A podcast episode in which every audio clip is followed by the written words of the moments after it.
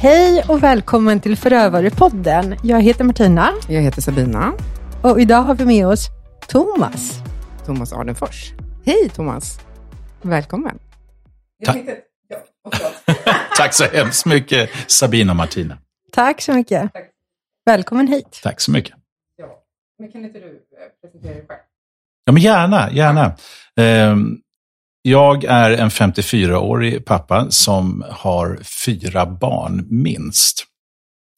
Och anledningen till att jag säger minst, det är att i förrgår så var det 28 år sedan min fru Susie och jag för första gången välkomnade hem ett barn som socialtjänsten bedömer inte kan bo hos sina eventuella biologiska föräldrar, utan behöver komma till ett jourhem eller till ett familjehem. Så för 28 år sedan så kom det första barnet och genom åren så är det över 30 barn som har kommit hem till oss. Oj, oj, oj. Ja, det är en speciell situation, ett, ett annorlunda liv kan man säga.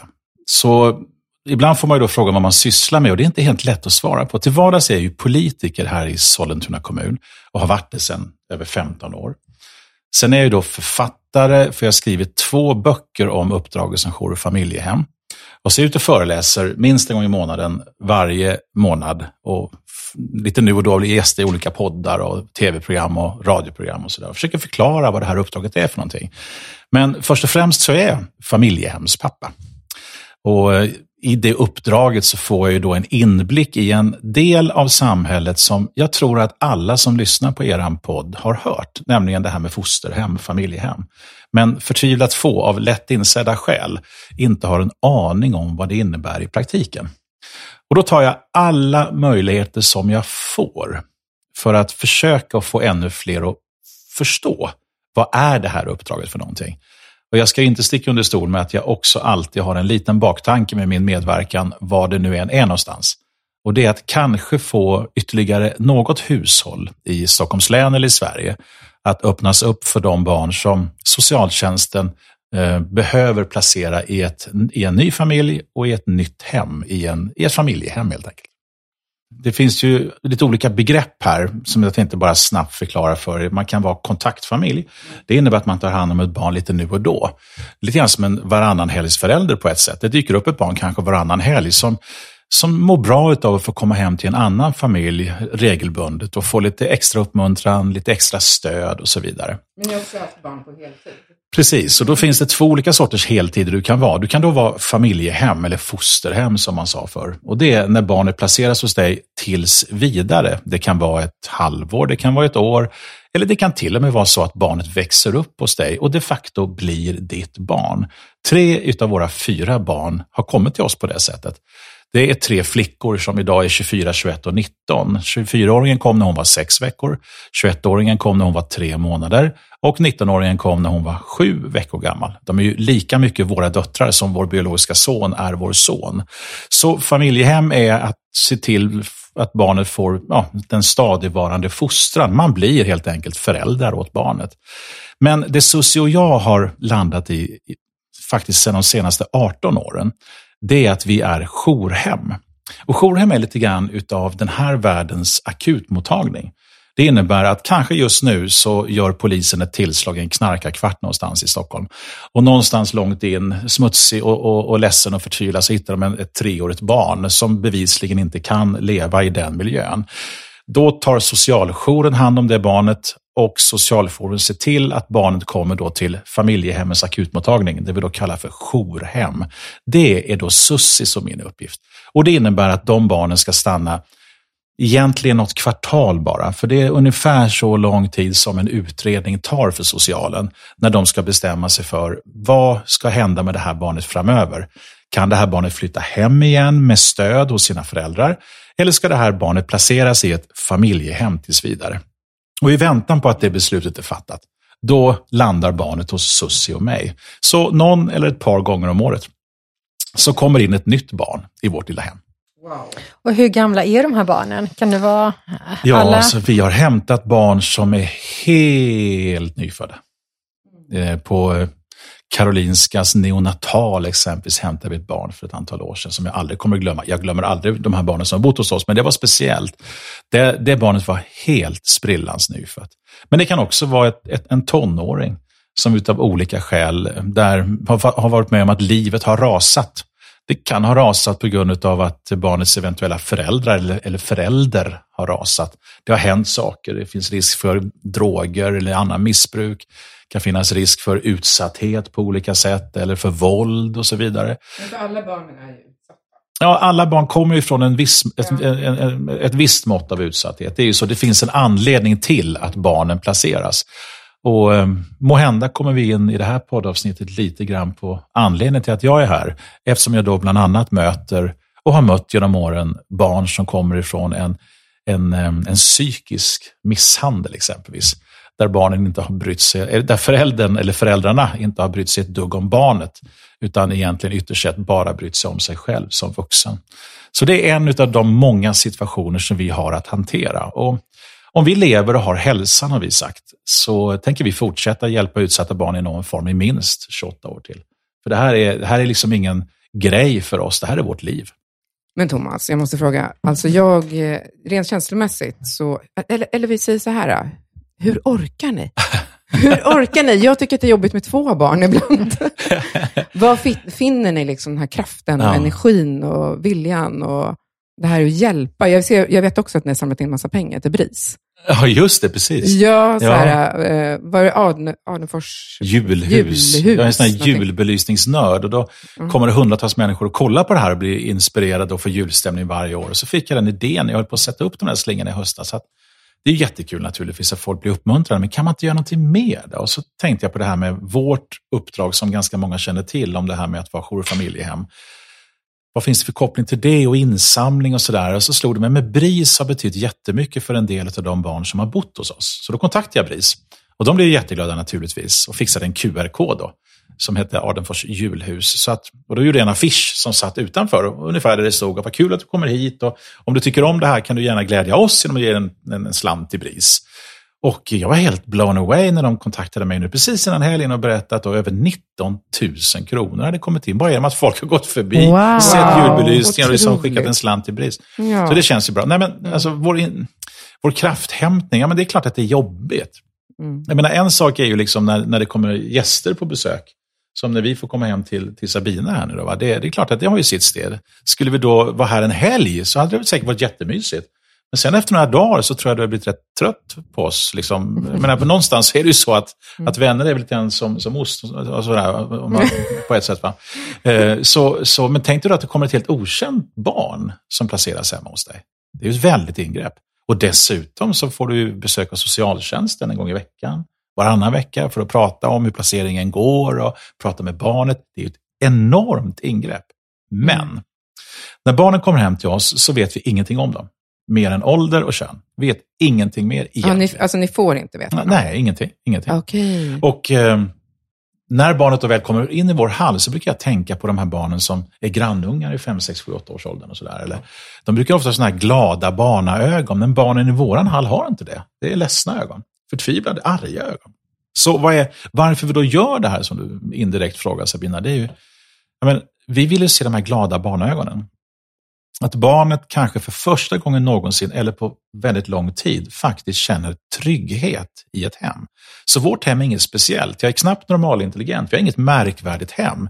Men vi har bevisligen då en trygghet som gör att barn som kommer ifrån oftast en ofattbar otrygghet ändå för första gången kan känna, här vågar jag gå och lägga mig.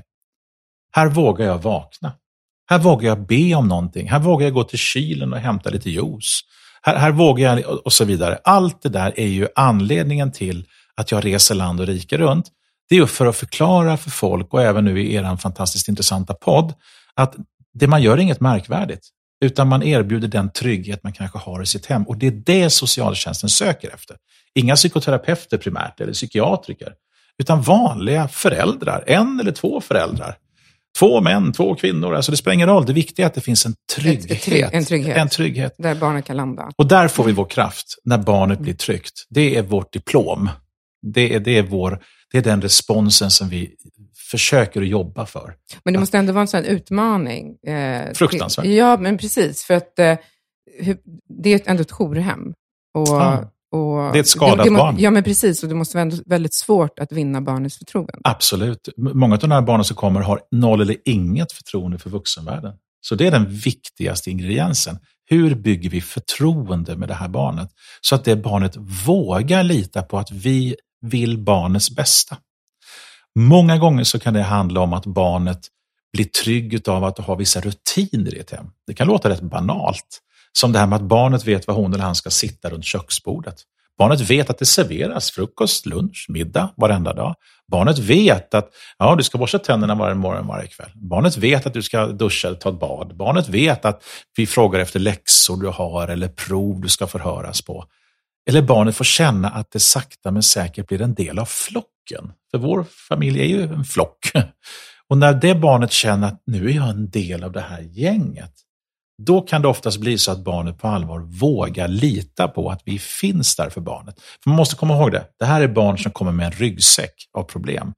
Och de ryggs, det innehållet i den ryggsäcken visar sig förr eller senare på helt olika sätt. Men det är oftast bra, därför att när vi börjar rafsa i det där innehållet, det är då du sakta men säkert kan faktiskt se att barnet mår bättre. Att vi finns där trots barnets bekymmer trots barnets taskiga erfarenheter eller trots barnets ibland ganska så perplexa personlighet. Kommer du någonsin i kontakt med de biologiska föräldrarna? Ja, det ska jag nog vilja säga att jag gör ganska regelbundet. Eh, inte minst i samband med att man har rätt som biologisk förälder oftast att få umgänge med sitt barn. Det är helt naturligt. Man får komma ihåg att det här är en av de mest brutala insatser samhället kan göra. Att samhället tar ett barn ifrån dig och flyttar till ett annat hem. Då har du, tack och lov, ett starkt lagstöd som förälder för att faktiskt ändå få ha viss kontakt med ditt barn. Men vi har också varit med om situationer där barnet inte ska ha kontakt med sina föräldrar. Därför att det, det finns en, alltså en utredning kanske? Det, det pågår en förundersökning mm. om övergrepp exempelvis. Och så motsvarande. Så allt sånt där får du fantastiskt stöd från socialtjänsten för att kunna hantera. De allra flesta placeringar är frivilliga, att föräldern kommer fram till att det här är bra för barnet, att det får flytta under en viss period. Men ibland är det tvångsomhändertagande och ibland har vi också haft skyddade placeringar där ingen får veta att det bor ett barn hos oss. Och där då följaktligen inte heller föräldrarna vet att det bor ett barn hos oss. Då. Men har det hänt, jag menar, nu vet ju ganska många eller liksom, att ni är ett familjehem. Mm. Har det hänt att ni har fått påknackningar? Ja, det har hänt, eh, absolut. Men det är oerhört ovanligt, därför att det finns ju så många jour och familjehem. Och det här ja, med, du som ska åka runt i liksom halva ja, Sverige? Tusentals ja, ja. bondgårdar i Sverige, får börja med mm. det då. Mm, och sen är det också så dessutom att, att uh, vi är ju väldigt försiktiga med att ta barn ifrån Sollentuna. Det gör vi ju inte på det sättet.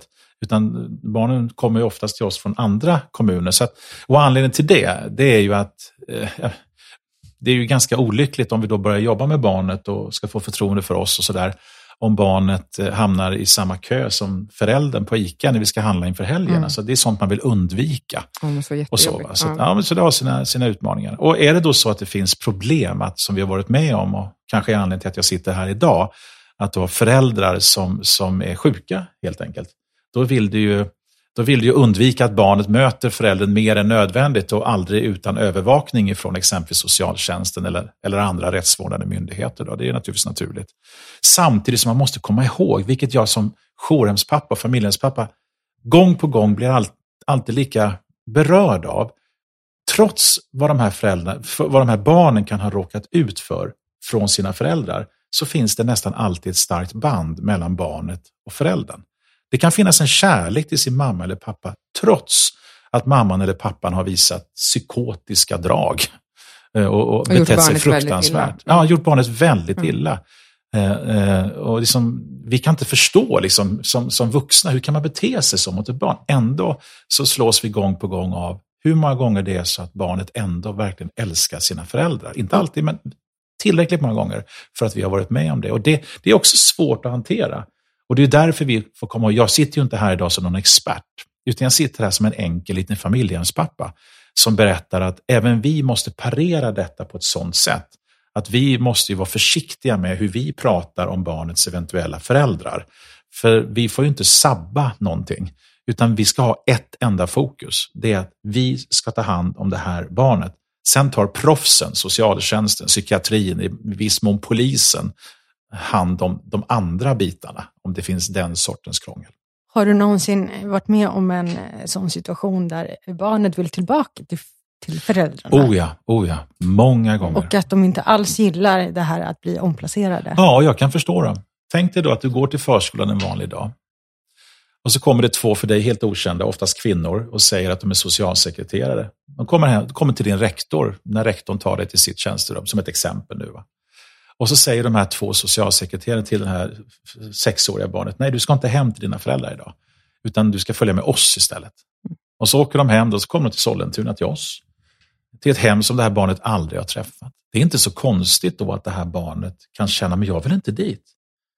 Så eh, många gånger är det ju så att de första timmarna in i placeringen skulle jag vilja säga ibland kan vara snudd på avgörande för hur placeringen ska utvecklas. Är det så att, vi, att barnet kan redan där och då känna att vi verkligen är bra människor som bryr sig om barnet, då finns det en lite bättre chans att det blir bättre efter ett tag. Men vi har ju varit med om dramatik när socialtjänsten väl ska lämna och vi blir ensamma kvar med barnet. En fruktansvärt Och barnet har låst sig helt. Fullständigt. Ja. Och vem, vem, kan förebrå barnet? Liksom? Hon nej, eller han har blivit uppryckt inte. från sitt hem och så vidare. Det, det, det och det är också den verkligheten som barnet känner till. Det blir ju trygg i det otrygga. Eh, på det sättet ja. så, så, finns det ju någon form av trygghet i det. Och sen får man mm. komma ihåg också att många gånger så är ju förskolan och skolan inte sällan en av de få platserna där det här barnet kan känna sig trygg. Där kanske hon finns, eller han finns, den där läraren, eller pedagogen, eller skolsystern eller kuratorn. Så det vill ju till att man i möjligaste mån låter barnet gå kvar på förskolan eller skolan. Så man inte rycks bort ifrån Från det, det också. också va? Mm. Så det finns många sådana här bottnar där, återigen, så jag är inga proffs, vi är ingen, vi, vi, vi är ingen myndighet. Utan vi är det här hushållet som har ett enda fokus. Vad som än har hänt så ska det här barnet för första gången någonsin, eller kanske på länge, faktiskt känna, här är jag trygg. Och det ställs ju också väldigt höga krav på er som föräldrar. Alltså, jag tänker så här själv, om jag skulle ha en dålig dag och liksom, ja men, gorma lite, ja. Så här, ja, men på mina barn eller någonting, så har man ett fosterbarn, ja. eller ett jourbarn där. Ja. Eh, hur hanterar man sådana situationer? Fast när det har gått ett tag så blir ju barnet en del av familjen. Mm. Och socialtjänsten eh, vill ju inte att du ska göra så mycket udda grejer, utan du ska leva vanligt familjeliv. Kan jag bli sur eller arg på de här jourbarnen? Absolut. Men och, klart och ställa att, krav också, precis, borsta tänderna. Och, de kraven nej, men du måste borsta tänderna nu. Och, och känna att man inte säger nej men jag ska inte, jag, jag, jag, struntar i det, för det är precis det de behöver, ja, rutiner. Ja, precis. Alltså, de känner sig trygga i det. Jag, mm. jag ska ju inte vara barnets kompis, utan jag ju bli en annan föräldraroll som barnet kanske aldrig har haft, det vill säga en tydligt gränssättande men också enormt uppmuntrande, kärleksfull förälder, som gör det som 99 procent av alla hushåll med, med, barn gör varenda dag i Sverige, lever vardagsliv. Mm. Med löss och kamma och pannkakor och mm. steka och, och dammråttor och jaga. Alltså det här vanliga, det är det de här barnen behöver. Det jag däremot är bekymrad över, det är ju att jag är då 28 år gammal i det här gamet. Jag har blivit utredd två gånger. Och för mig är det ju så att jag har ju funderat en del på det här poddavsnittet. Vad har jag då för erfarenheter av den sortens förövare som ni brukar belysa? Och ja, de finns ju då, något exempel eller ett par på biologiska föräldrar som jag utan att vara psykolog eller psykiatriker nog ändå skulle säga gränsar åt de där personlighetsstörningarna som kan vara psykopatiska på något sätt. Men risken att de också finns hos en och annan familjehemsförälder, det är någonting som jag jobbar stenhårt för att vi ska minimera. För ska vi vara helt öppna, vilket väl är bra i en podd, när talar man om familjehemsfrågor i media? Ja, det är nästan alltid kopplat till tragedier till kaos som eh, barn som, som eh, avlider för att det rättsliga systemet inte kan ta hand om barnet på lång sikt, som i fallet med det här så kallade Lilla hjärtat ja, nere i mm. Östergötland. Eh, men det kan också vara familjehemsföräldrar där det visar sig att man har begått ett övergrepp. Man har alltså lurat, fintat bort socialtjänsten med kanske väldigt snygga utläggningar. Varför säger jag det här då? Jo, vad jag driver idag, det är en paradox som för mig är sjuk. För att jag ska få köra ett jourbarn fram och tillbaka till förskolan i min bil, så måste jag varje år lämna in den till bilprovningen. Det tror jag att Martina och Sabina tycker är bra. Att när min bil rullar så testar man den en gång om året. Men samma samhälle som kräver att jag servar min bil placerar ett barn hos mig utan att göra en årlig checkup. Skulle ni fråga mig idag, Eh, har du något bevis på att du är jourhem? Ah, då är det svårt.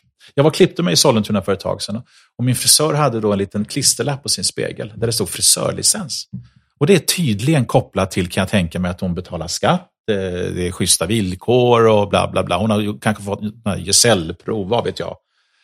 Men då påminner jag om när jag kom med en nyplacerad femåring till en förskola för ett tag sedan. Han kom till oss på kvällen, dagen efter skulle jag köra honom till förskolan. När jag kommer till förskolan så springer han ju fram till sin pedagog och kramar om henne och sen vidare till sina kompisar och vinkar till mig. Hej då! Han hade kommit till oss alltså kvällen innan. Och jag går fram till pedagogen och jag kan lova även lyssnarna som inte ser hur jag ser ut eller agerar, jag är en ganska social person. Jag har inget svårt att vara trevlig med folk och sådär. Så jag går ju fram till pedagogen och liksom, ja hej, jag heter Thomas Adenfors, jag är då eh, pojkens jourhemspappa. Åh, vad bra, sa hon. Det Vad bra att jag löser på det sättet. Har du något, något papper på det? Nej, det har jag inte. Jag hade en handskriven lapp hemma med pojkens sex första siffror i personnumret.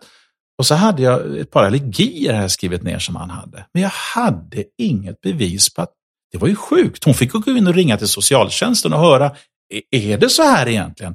Sen kom hon ut och förklarade att allt var i sin ordning och jag tycker det var bra. Det var ju superbra. Det var ju det. Men det, det visar på ett exempel. Vad jag skulle vilja, det är alltså att i framtiden typ. så skulle jag alltså vilja ha Ungefär, så nu tar jag upp mitt körkort för att berätta för lyssnarna. Då. Ett körkort som visar liksom att jag är jourens pappa. Och det här skulle jag vilja förnyas en gång om året. Att man gör en checkup på mig. Därför problemet idag, det är att du kan ha betett dig som en idiot som jourens pappa i X kommun. Och sen är behovet så stort av jour och familjehem att du kan vända dig till Y kommun 30 mil därifrån och säga jag är intresserad av att bli jourhem.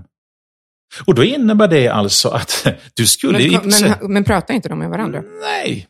Oj, oj, oj. Nej. Oj. Uh, och, och, det här visar liksom på ett problem som, som, som kan bli, om inte du har ett system, hur ska det här se ut? Ja, men, jag har ju sagt det, jag är bara en vanlig familjens pappa. Jag vet inte. Men det jag vet, det är att det skulle behövas. Som en trygghetsstämpel, för socialtjänsten inte minst. Att jag som jourens pappa får en, en, en årlig checkup Ja, du var fräsch när du gjorde din senaste utredning för tio år sedan, men är du fräsch idag? Det är det ingen som vet. Ja, men han skriver böcker, han är ute och föreläser, han sitter i morgonsoffor, han, han är i poddar, han verkar, han verkar bra. bra. Mm. Men, och sen är de, de, de är så desperata efter de här hemmen. Så att de, jag, kan, jag kan tänka mig att det är, det är därför du också sitter här, för att du vill Nej, också jag, uppmuntra ja, ja, precis, för socialtjänsten, folk att öppna sina hem. Ja, men så är det ju. Och socialtjänsten gör ju allt de kan för att det här ska bli bra. Men lagstiftningen hänger inte med. Lagstiftningen ligger fortfarande så långt efter att vi skulle behöva ha en, helt, en, en reformation av hela socialtjänstlagen så att vi skulle säkerställa att de här barnen, om det nu är så att vi har sagt att barnkonventionen är lag, ja men då måste det väl ändå märkas. Vad är bäst för barnen? Mitt problem, om jag idag har pratat om problemet med eventuella familjens förälder som är åt det psykotiska hållet eller narcissister som bara vill framhäva sig själv och sin egen förträfflighet så kan vi också faktiskt fundera på, på eh, eh, föräldrar som inte heller de har det bästa, har barnens bästa för ögonen. Det har vi också mött. Som liksom ser samhället som sin stora fiende och det är de man ska bekämpa. Sen är barnet ett verktyg för att bekämpa samhället. Problemet idag det är att föräldralagstiftningen är skriven så att föräldern har en enorm makt. Och det är naturligtvis, jag kan tycka det är bra, naturligtvis i grund och botten, att vi som föräldrar har en stark makt över våra barn konstigt vore annat. Men om man då eh, hamnar i ett läge där barnet kommer i kläm, då menar jag att jag lyssnade på Sommar i P1, ett avsnitt för ett par år sedan med en tjej som heter Alice Teodorescu. Hon sa så här, eh, ett barn har alltid rätt till sina föräldrar, men föräldrar har inte alltid per automatik rätt till sina barn. Och För mig blev det där lite grann som ett axiom att fundera på inför framtiden. Jag tycker samhället skulle tydliggöra att det är barnets bästa som ska vara i centrum. Inte du som förälder och ditt bästa, utan vad är bäst för barnet? Så det är de två grenarna som gjorde det självklart för mig att sitta i er podd idag. Eller sitta, att tacka ja till er eminenta inbjudan att vara med i er podd idag. För jag har sett det från två olika perspektiv. Och jag menar att samhället måste rusta sig bättre för att hantera de personerna som inte ska ha med barn att göra överhuvudtaget. Ibland kan det till och med vara så att de är biologiska föräldrar, men de ska inte utöva föräldraskap på sina barn. Här måste samhället skärpa lagarna. Här krävs en reformation helt enkelt. Och det är det jag jobbar för. Absolut. Bra alltså jag blir, alltså Ja. Det är väldigt skrämmande det du säger. Jag hade Mm. faktiskt ingen aning om att familjehemsföräldrar inte genomgick några tester och prov för att godkännas. Jo, för att Fast bara godkännas en blir man. gång, Ja, eller hur? en gång. Först i början, Ja, och sen så flyter det där bara på. Precis. Och det här är Ja. inte socialtjänstens fel, Nej, utan, det är ett Det systemfel. är systemet, ja. Och det här ska inte ligga på socialtjänsten. Vi ska inte lägga mer jobb på dem. Utan jag hävdar att det här ska ligga på riksnivå. Det ska vara om det är Barnombudsmannen eller Socialstyrelsen eller IVO. Det vet jag inte. Det får de här proffsen fundera ut. Men att systemet behövs, granskningssystemet behövs. Så att jag får en, en, en licens som är fräsch inför 2022. Ja, men det känns som att det ska till så himla mycket, att det ska gå så långt så att Visst är det vidrigt? Ja, det är så vidrigt, det ska upp Ja. i media och Ja. liksom, det ska vara så mycket tårar, så mycket smärta Mm. och hemskheter Mm. förrän liksom, det ska vad heter det, vakna till. Mm. Liksom att det ska hända Ja. saker och ting. Det som är positivt det- idag, det är ja. att här är det faktiskt så att det är ett flertal partier som har varit väldigt proaktiva. Och nu sitter jag ju här, det måste jag vara tydlig i min varudeklaration med era lyssnare, att jag är moderat. Men jag kan säga som, som jour och familjens pappa sedan 28 år, att Ulf Kristersson som partiledare för Moderaterna, han är den som har kommit längst. Han har varit otroligt tidigt ute och talat om de här sakerna. Han brinner verkligen för de här frågorna. Men det här för mig är helt ointressant om det är en moderat eller sosse. Det viktigaste är att lagstiftningen förändras. bästa. Och jag menar Mm. att de flesta partier idag verkar ha snappat att här har vi alltså ett avgrundsdjupt hål mellan verkligheten och lagstiftningen som behöver täppas till för tid och evighet. Och jag hyser därför gott hopp om att vi under det här året får förändringar i lagstiftningen som blir bra för oss alla inblandade, även för mig, men framför allt för barnen. Men du sa att du hade blivit utredd två gånger. Ja, precis. Ja. För då, då, då, eh, det blev så helt enkelt att det kom ett nytt system att utreda folk som gjorde att vi var med andra gången också. Mm. Eh, när vi började då för 28 år sedan, då var det inte mycket utredning. Då hade vi alltså ett hembesök hos oss. Det kom hem en socialsekreterare till oss och kollade läget. Vi fick skriva under ett medgivande som gjorde att de fick ta ut registerutdrag från Kronofogden, polis och socialtjänst. That's it. Sen dess har det här utvecklats fantastiskt. Så idag finns det ju ett, eh, ett system kring det här med att bli jour i familjehem som är väldigt, väldigt, väldigt bra. Så det är inte det jag kritiserar. Det jag kritiserar är lagstiftningen som inte kräver att jag som jour och familjehem, om än utredd och mycket rutinerad, eh, att jag ändå varje år måste genomgå en granskning för att se, ligger du rätt idag? Kan jag, är, är- jag en bra jourens pappa 2022 bara för att jag var det 2012? Ja, sannolikt, men inte självklart. Jag tänkte på när du möter de här biologiska föräldrarna. Mm. När gör du det? Är du med på mötena hos socialtjänsten? Eller... eh, Ja, det är väldigt olika. Okej, Väldigt, väldigt olika. Vi har ju varit med om allt ifrån att föräldrarna kommer hem till oss, så vi har fått möta föräldrarna, eh, till att vi har haft umgänge, som det heter då, på socialtjänsten eller ute i någon lekpark någonstans. Eller bara haft telefonkontakt. Det har varit hela resan. Vid några placeringar har vi inte haft kontakt med det biologiska nätverket överhuvudtaget. Och det beror lite grann på hur placeringen ser ut. Och ytterst sett är det ju ingenting som vi har med att göra, utan det är socialtjänsten som bestämmer hur just den här placeringen ska gå till. Då kan det vara så ibland att det kan vara bra att vi har en direktkontakt med barnets eventuella biologiska föräldrar eller vårdnadshavare. Då. Och i andra fall så är det bättre att socialtjänsten har den helt och hållet ser de dig som ett hot ibland? Absolut. Hur hanterar du det? Jag du och din låt mig börja med att säga så här Sabina, att det är inte så konstigt. Därför att de ser ju mig som den som har snott deras barn. Det är ju inte sant, för det är ju socialtjänsten. Men jag förstår dem ändå. Barnen flyttar ju hem till mig och min familj. Det är väl klart att de känner att jag De är känner en som att du har kidnappat fruktansvärd Mm. människa då. Som, som då och du vet, en förälder som då får höra att du inte kan vara förälder. Det är ju ett förnedrande. Det är ju enorma ja, känslor. Och jag tänker narcissist, eh, narcissister har ju verkligen de tendenserna. Alltså där måste du ju känna, för de ser ju inte eh, att eh, Alltså, barnets bästa. Nej, nej. Precis, utan nej, de precis. går ju utifrån sitt eget ego. Ja, men så är det. Helt rätt. Men de allra flesta är ju inte det. Utan de allra biologiska föräldrar är ju egentligen bara föräldrar som är vansinnigt förtvivlade över socialtjänstens beslut. Men så finns ju också de där personerna som man märker, det har ju några mycket tydligt i min minnesbank. Människor berätta. som, Hur, Berätta. berätta, berätta. Ja, Ja, jag det- vill veta mer. det, det är ju människor som har noll och inget intresse utav vad som är bäst för barnet. Eller egentligen noll och inget intresse av barnets väl och ve. Utan där Susie har kunnat konstatera att här använder man ju barnet som en bricka i ett spel. Utan att för ett ögonblick tänka på vad får det för konsekvenser för barnet. Eh, har ingen förmåga att känna in vad betyder den här processen för barnet. Alltså den där empatilösheten som vi har märkt. Att man har så fullt upp med sina egna demoner och sina egna problem att det finns inte en tanke på vad det här betyder för barnet. Det är nog det som har gjort mest ont genom åren. Jag tänker speciellt på en situation som var för ett visst tag sedan.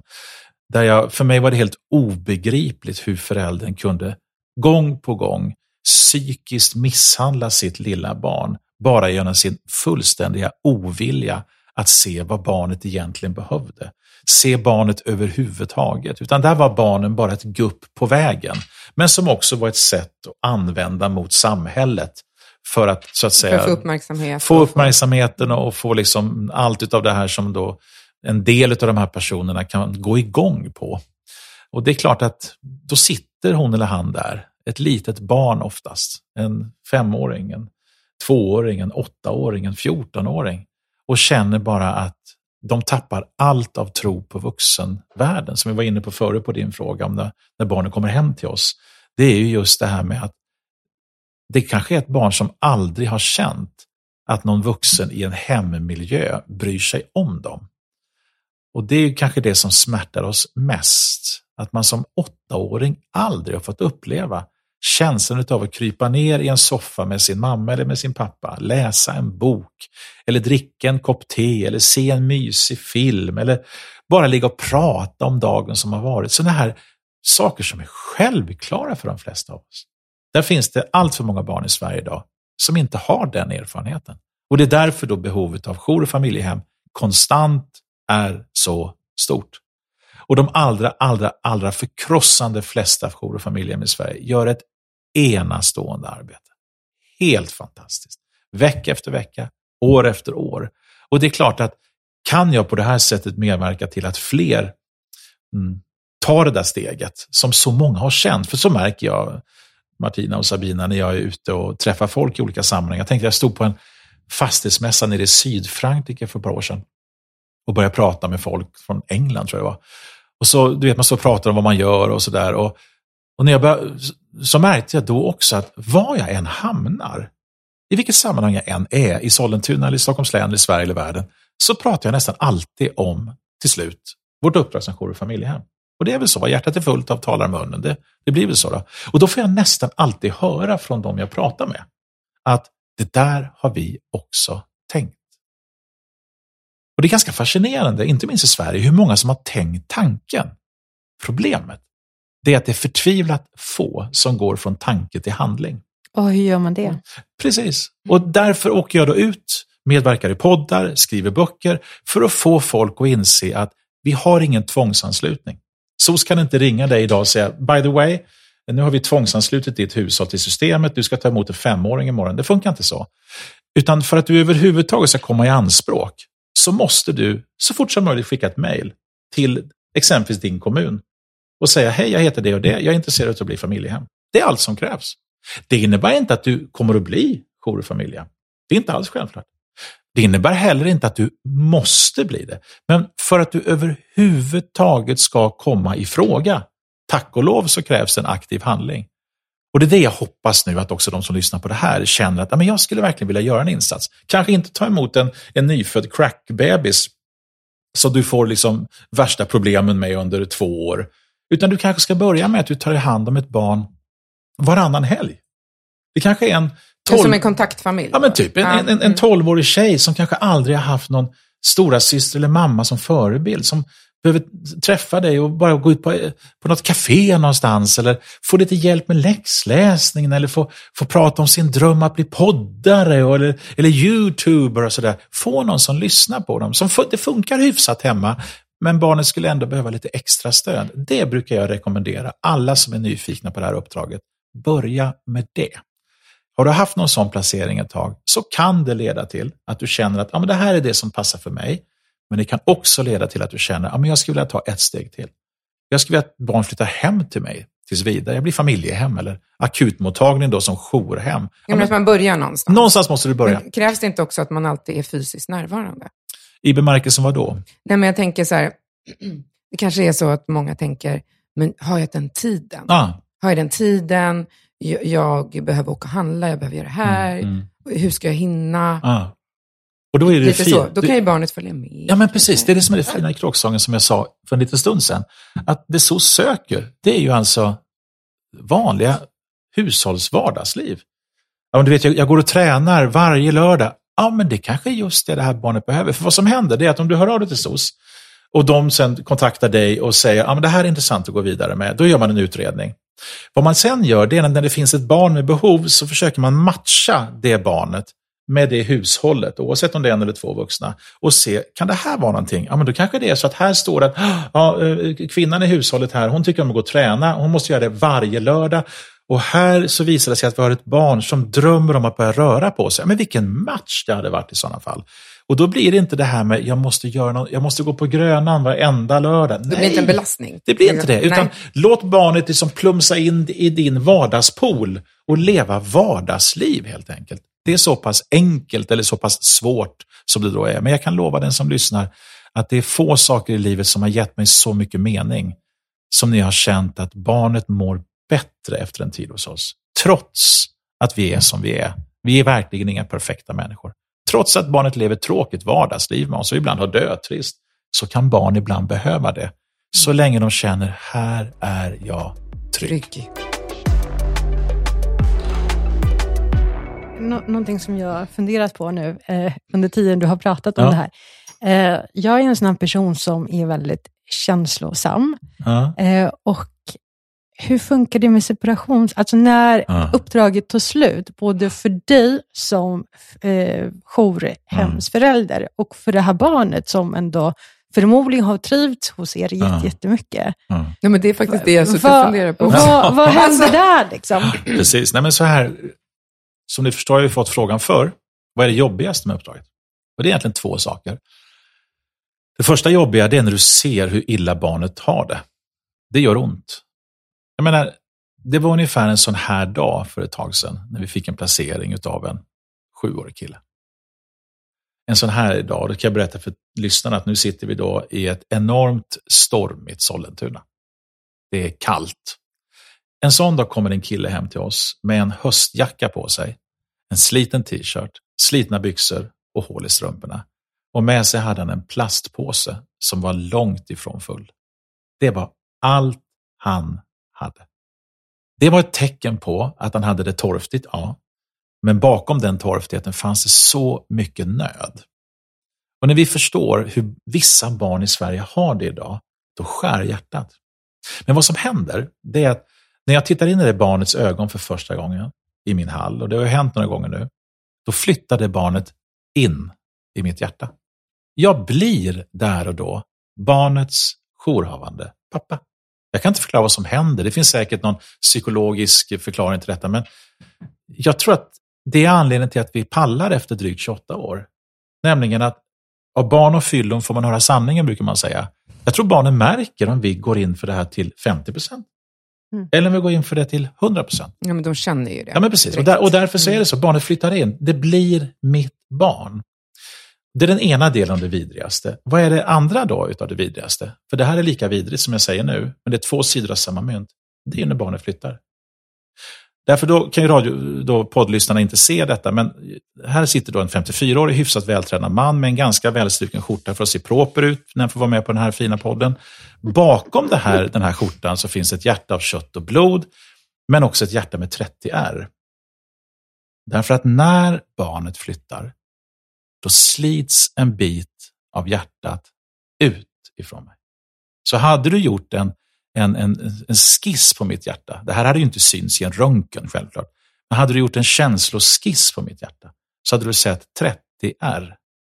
Därför på samma sätt som barnet flyttar in i hjärtat så slits en bit av hjärtat bort. Men det är därför vi är så noga med också när barnet flyttar att eh, göra slut med SOS. Då ringer vi SOS, har gjort varenda gång och sagt nu pallar vi inte mer. Är det sant? Ja, ja. Nu har ju SOS hört det några gånger. så, så, så jag säger mig själv, jag skulle stå och gråta. Ja, det, vet inte vad jag skulle ta ja, vägen. För jag tittar ju på ja, liksom, bara den här serien jag tittar på nu inför den här eh, podden, så kollar jag på Vargen kommer, Ulven kommer. Ja, men den är ju helt makalös. Ja, en av de bästa som har gjorts i branschen. Ja, och jag tittar faktiskt också på grund av att eh, du skulle komma. För att liksom sätta mig in i er situation. Men nu har jag inte hunnit eh, hela, jag ska inte avslöja det jag har sett, men jag är på typ femman eller något avsnitt. Um, och jag gråter ju lite, alltså bara av att titta på det på TV. Ja, men så är det. Och, och det, och det måste, I verkligheten måste det vara helt... Men en av mina absolut bästa kompisar i hela världen heter Anneli. Vi har känt varandra sedan 80-talet. Hon och hennes man Bosse är, de är, som, de är som syskon precis som mig. Och Anneli är en, en härlig skånska.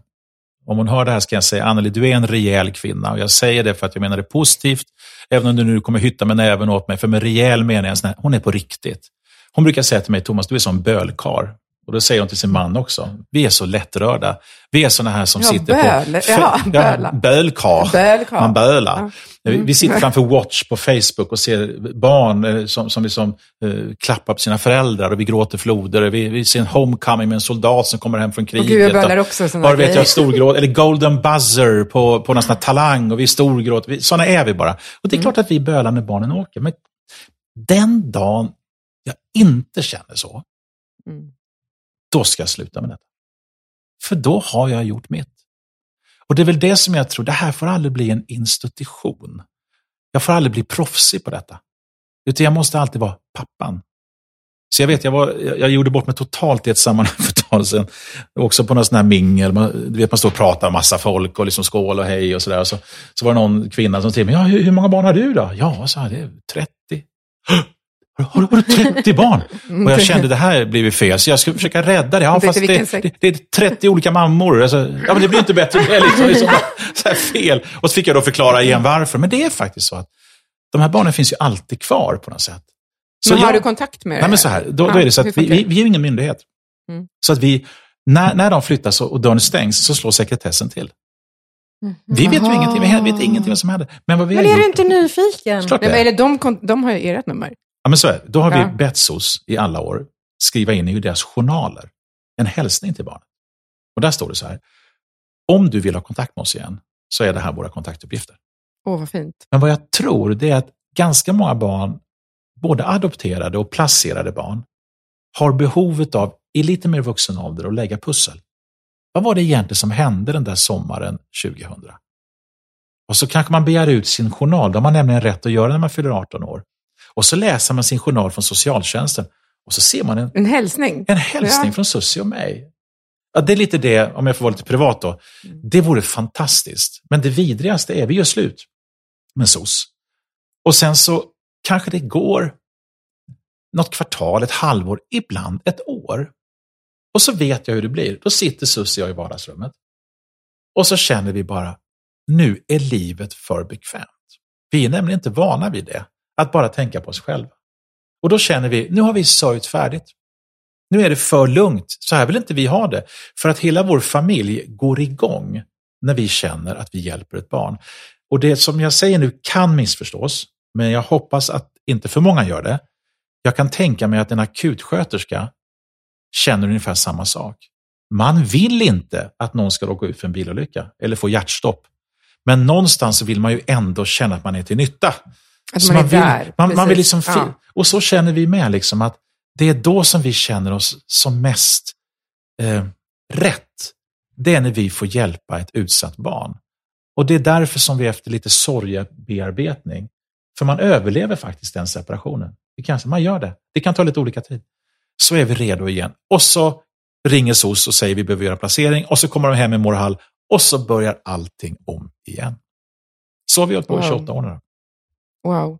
Nej, men det du säger, det är ju så jag och Martina, när vi sitter och pratar, du och jag Martina, det är ju så vi känner också. Att vi vill hjälpa andra människor. Ja, Att vi vill vara där för dem. så viktigt. Det är en sån himla härlig känsla att kunna få hjälpa. Mm. Vad fint jobb ni gör. Tack så hemskt mycket för den uppmuntran. Jag hoppas att det jag har sagt landar rätt hos era lyssnare och och hos er. Och förhoppningsvis så leder det också till att någon börjar fundera lite mer och kanske får iväg det där mejlet nu då. Så att man sätter igång den där resan. För att vi behöver hjälpas åt på många olika sätt. Det behövs ännu fler poddar. Det behövs ännu mer tv-inslag. Det behövs ännu mer jour och familjehem och kontakt. Som kan lyfta det här verkligen. Som kan lyfta Ja. detta utifrån barnets perspektiv. Mm. Tack snälla Thomas. Tack Thomas för att du kom hit och gästade Förövare-podden. Ja, tack så mycket. Och ni kan följa oss på Instagram och på Facebook.